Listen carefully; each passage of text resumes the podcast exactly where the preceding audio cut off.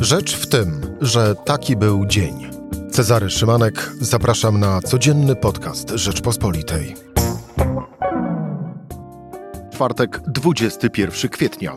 Emmanuel Macron czy Marine Le Pen? Europa czy Rosja? Druga tura wyborów prezydenckich we Francji już w niedzielę, wszystko w rękach jednak innego kandydata, czyli Jeana Luca Mélenchona, lewicowca, skrajnego dodają nawet, który skradł serca 22% wyborców dwa tygodnie temu. I to od nich zależy, kto będzie od poniedziałku rządził Francją. Jędrzej Bielecki już za chwilę, rzecz w tym, że zapraszam Cezary Szymanek. Słuchaj na stronie podcasty.rp.pl. Włącz Rzecz w tym w serwisie streamingowym.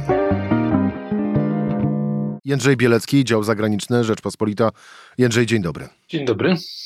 Zanim e, spróbujemy odczytać sygnały płynące od wyborców e, francuskich w ciągu ostatnich dwóch tygodni, to wpierw e, jeszcze wróćmy do wczorajszego wieczora. Środa, wieczór, godzina 21 zaczęła się debata. Debata Emmanuela Macrona i Marine Le Pen trwała prawie trzy godziny i od razu w takim razie, zanim opowiesz, co się w trakcie niej działo, to y, miejmy trzęsienie ziemi od samego początku. Kto wygrał? No, jeśli wierzyć sondażom przeprowadzonym, sondażowi przeprowadzonemu przez BFM TV, czyli taką główną sieć informacyjną francuską, 59% respondentów uważa, że Emmanuel Macron wygrał, 39% stawia na Le Pen. Y, moje wrażenie było zbieżne. Macron był moim zdaniem dużo bardziej sprawny, opanowany, doskonale panował y, na zasadzie wszystkimi tematami, logicznie y, układał całą serię faktów, liczb, dat, które sypały mu się jak z rękawa, więc wydaje mi się, że on jest z górą. No przede wszystkim jednak trzeba być jednej rzeczy, mianowicie y, on przystępował do tej debaty jako zdecydowany faworyt z dziesięcioma, czasem zależnie od sondaży dwunastoma punktami przewagi i to Le Pen y, musiała wykazać, y, y, jak gdyby pokonać Macrona, doprowadzić do tego, że on znajdzie się w defensywie, że popełni jakiś błąd. Macronowi wystarczyłby remis, wystarczyłoby pozostanie przy właśnie tej różnicy. No i liderce skrajnej prawicy to się zdecydowanie nie udało. Ale tak naprawdę być może w tej całej debacie nie chodziło o to, żeby e, jedno drugiego pokonało, ale bardziej chodziło o to przede wszystkim, e, jeżeli weźmiemy pod uwagę Emmanuela Macrona, aby pozbyć się łatki luksusowego prezydenta, który nie rozumie potrzeb e, zwykłych mieszkańców Francji i jest tylko i wyłącznie prezydentem elit. Czy Macronowi udało się choć trochę tę łatkę zerwać z siebie? No on miał pecha w tym sensie, że y, w drodze losowania y, wybrano Le Pen jako tą, która ustawi temata, przede wszystkim ich sekwencję, ich kolejność. Y, dlatego na pierwszym miejscu znalazło się, znalazło się to, co, to, co było dla niej najbardziej wygodne, czyli moc nabywcza, załamująca się moc nabywcza, drożyzna we Francji. No właśnie, ale... tutaj warto wspomnieć, że Le Pen uczyniła z tego właśnie leitmotiv swojej kampanii wyborczej, e, w przeciwieństwie do tej, którą oglądaliśmy w trakcie poprzednich e, wyborów, kiedy bardzo mocno podkreślała wszystkie kwestie związane z imigrantami. Tak, no ale nawet w tej pierwszej części y, no nie, nie udało jej się zdobyć przewagi. Ona wystąpiła ze swoim sztandarowym projektem obniżenia z 20 do 5,5% y, podatku VAT na nośniki energii, elektryczność, benzynę, ropę i tak dalej. No i wtedy Macron zapytał się, no dobrze, ale czy to jest coś, co pani potrzebuje przy pani dochodach, czy to jest coś, co ja potrzebuję przy swoich dochodach? Zwrócił się do dwóch gwiazd dziennikarstwa, które prowadziły tę audycję, czy my cała czwórka nasza w ogóle coś takiego potrzebuje? No zapadła cisza. Y, a on mówi, no pani projekt to jest projekt bardzo niesprawiedliwy, bo y, pomaga i biednym, i bogatym, a w zasadzie pomaga bardziej bogatym, ci, którzy mają wielkie samochody, a nie biednym. Y, I mój projekt, który mówi o tym, że będę pomagał określonym grupom zawodowym, jest bardziej sprawiedliwy. Udało mi się też, ustalając górny limit wzrostu cen benzyny, znacznie zbić inflację już teraz. Inflacja we Francji jest to 5%, przeszło dwa razy mniej niż, niż, niż w Polsce, niż w większości krajów Unii Europejskiej.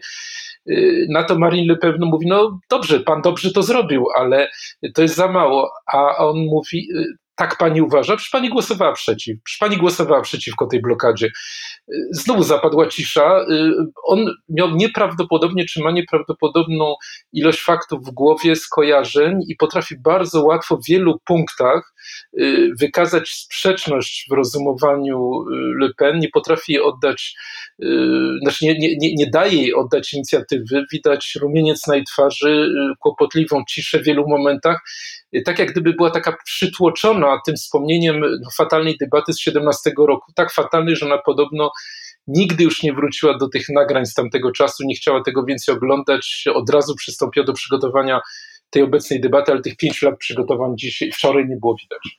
Kwestia rosyjska y, zajęła dużo czasu w trakcie y, dyskusji obu kandydatów? To był drugi temat. To był drugi temat. Tutaj Macron zaatakował od razu, mówiąc, że y, Penowa wzięła jeszcze w 2014 roku kredyt w banku powiązanym z Putinem y, i że w związku z tym jest zależna od niego. Ona dosyć sprawnie odpowiedziała, mówiąc, że no dobrze, ale y, banki francuskie takiego kredytu nie chciały mi udzielić. Ja reprezentuję partię ubogą, y, też chcę walczyć. No Zemur tutaj był wskazany przez Macrona jako ten, który obrał inną ścieżkę, ale tutaj trzeba powiedzieć, że była pewna taka, no, no taki remis, tym bardziej, że bardzo jasno Le Penowa poparła działania Macrona w obronie Ukraińców, a jednocześnie wykazała się pewną empatią, bo powiedziała, że jej zdaniem sankcje powinny objąć wszystko poza importem ropy i poza importem gazu. Tutaj jest tak jak wszędzie w całej Europie drożyzna, to dla Francuzów jest coś bardzo poważnego. Zresztą moim zdaniem to też będzie decydujący czynnik w nadchodzących wyborach w innych krajach Unii, we Włoszech, w Polsce.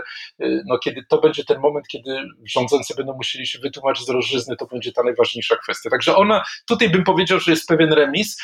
Y, trzeba przyznać, że w marcu, kiedy Zemur, y, nie wychodząc naprzeciw potrzebom uchodźców ukraińskich, stracił połowę głosów, y, to był moment, kiedy, kiedy ta kwestia była najważniejsza, ale w tej chwili to już schodzi na dalszy plan. Czyli po pierwsze kwestia cen siły nabywczej Francuzów, po drugie kwestia wojny w Ukrainie i stosunku do Rosji, po trzecie, trzeci główny temat wczorajszej debaty? No tutaj chyba było więcej takich, e, takich tematów. No była kwestia, e, oczywiście kwestia wieku emerytalnego, była kwestia ekologii, to jest coś, co jest istotne e, dla młodych. No i wreszcie... Na tym się zatrzymajmy na chwilę, Jędrzej, bo e, skoro już dotykasz tego tematu, bo właśnie liczyłem, że wskażesz, że kwestia zielonej przyszłości będzie owym trzecim najważniejszym tematem z tej, z tej debaty. Macron e, nakreślił plan mm, przyszłości Francji jako e, ekologicznego, silnego kraju w Unii Europejskiej. Co to ma znaczyć? No, tutaj jak gdyby trzeba powiedzieć, co jest jak gdyby tą najważniejszą stawką w tych wyborach, oczywiście to jest zwycięstwo Macrona, a y, kandydat ekologów dostał mniej niż, procent, mniej niż 5% w tych wyborach. Y, dlatego nawet jeżeli ambitne były plany Macrona, to on w tej chwili tak bardzo ich nie akcentuje. Ten temat zajął mniej niż 20 minut y, tej debaty, przeszło 3-godzinnej.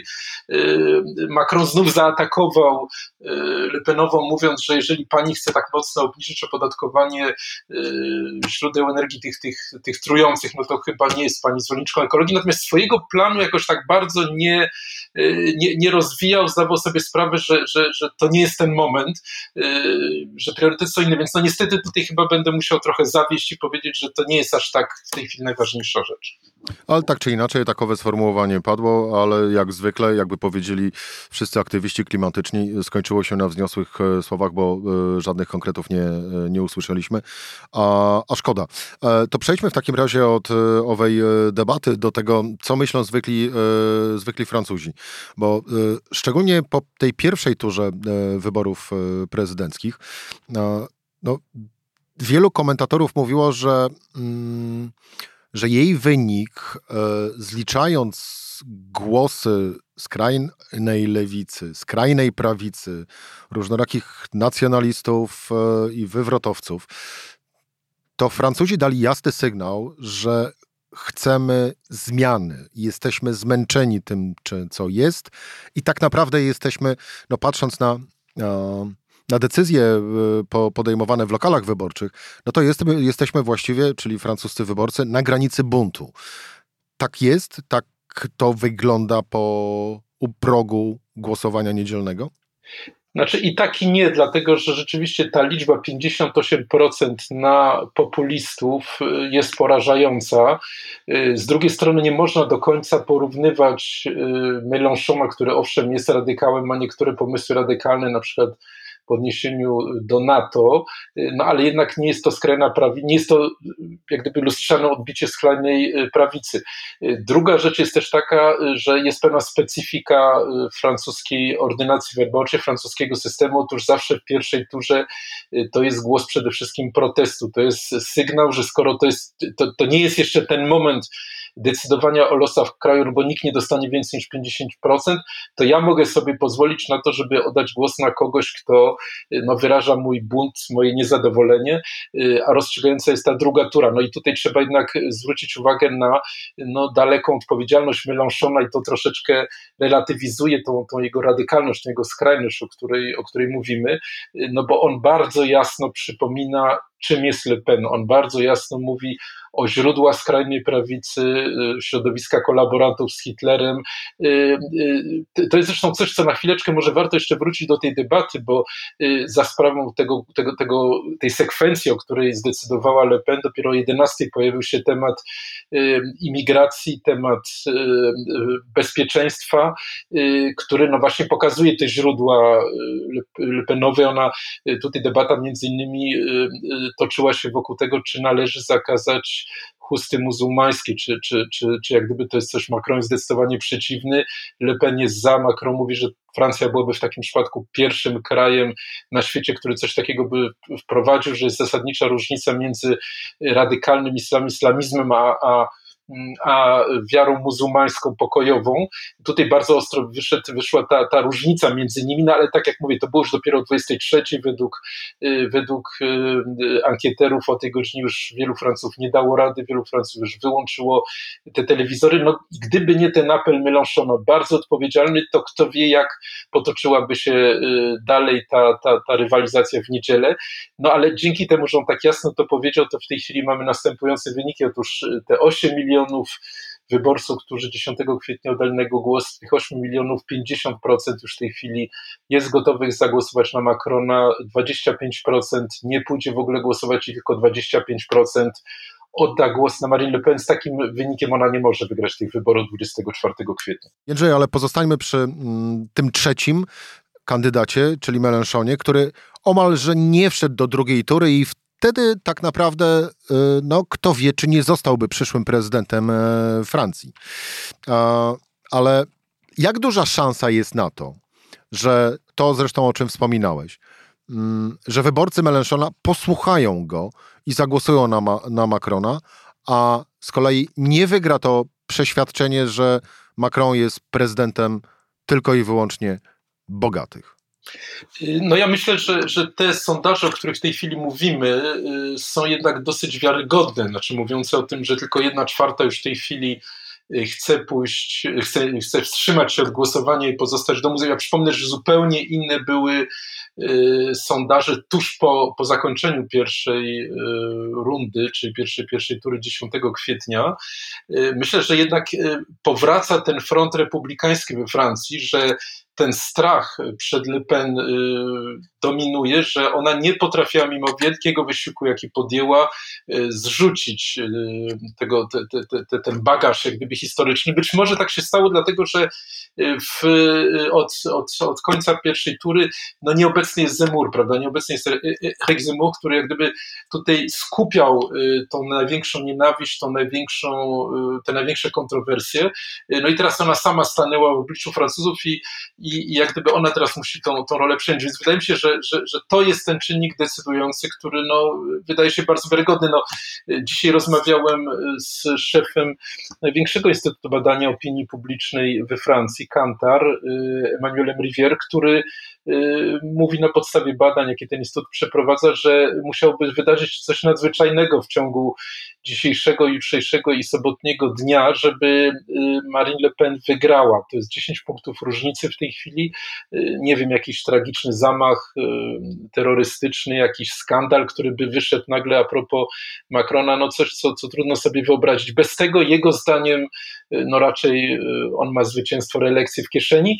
I tutaj też warto powiedzieć jednej rzeczy, to jest, to jest jednak mimo wszystko sukces dla tego prezydenta, dlatego że, czy, czy bardzo poważny sukces. Można powiedzieć, że oczywiście y, układ, którym 45% głosów, załóżmy, tak jak pokazują sondaże, uzyskałaby Le Penowa, no, y, nie wskazuje na to, że to będzie mocna prezydentura, ale z drugiej strony y, nigdy jeszcze w Piątej Republice żaden prezydent nie zdobył drugiej kadencji, mając większość.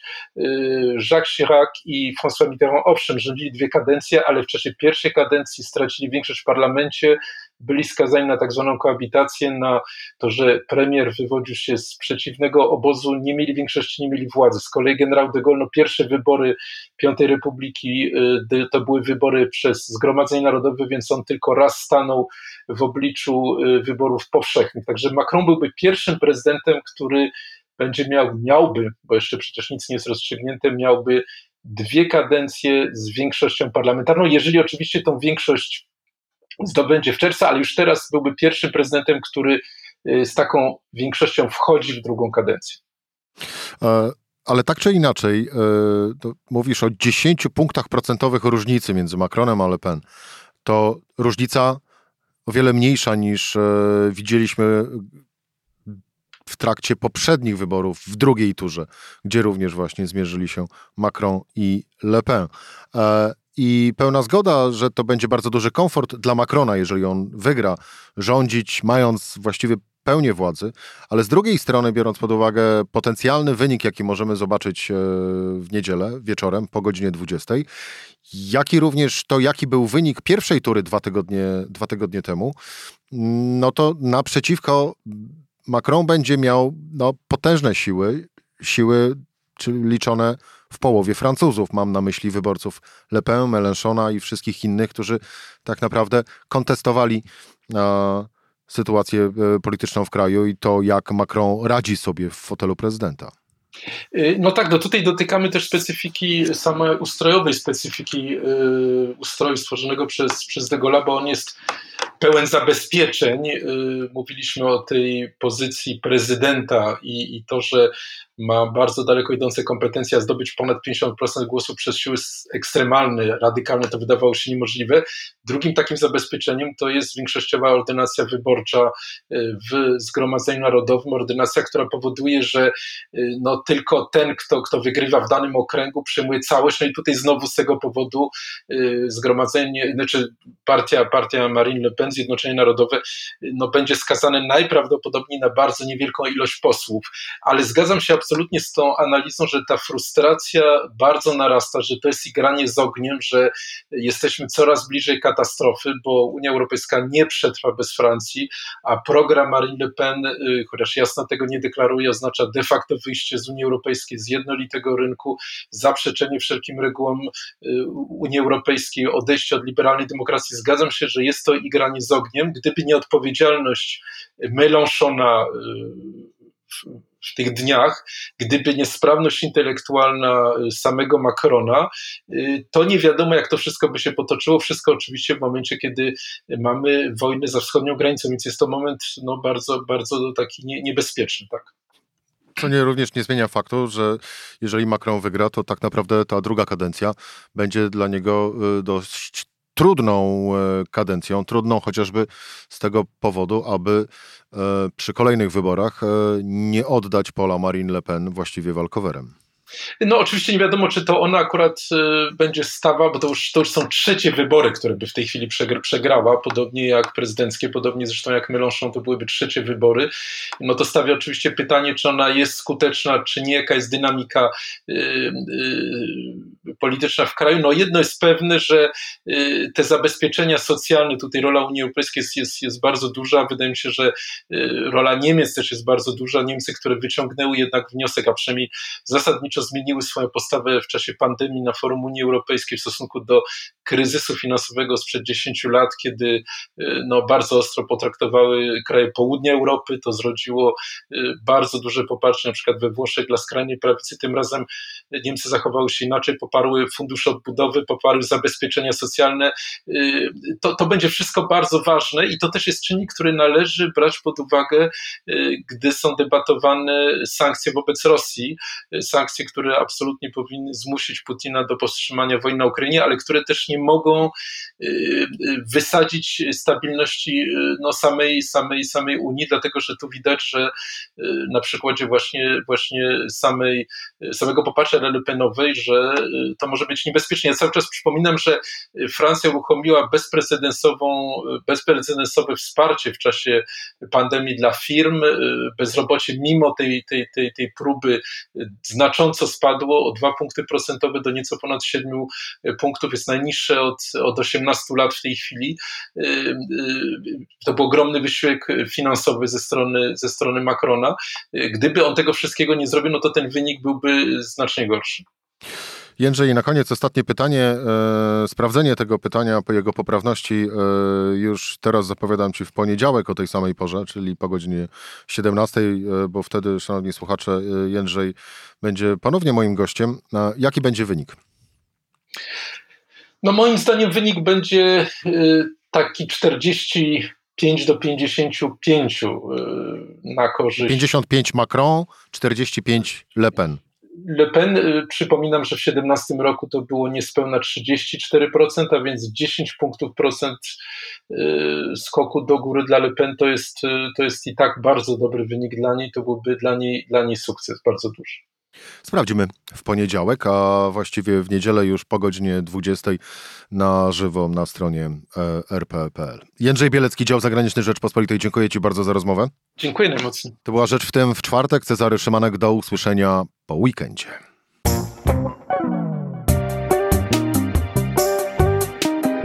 Rzecz w tym to codzienny program Rzeczpospolitej. Od poniedziałku do czwartku o godzinie 17.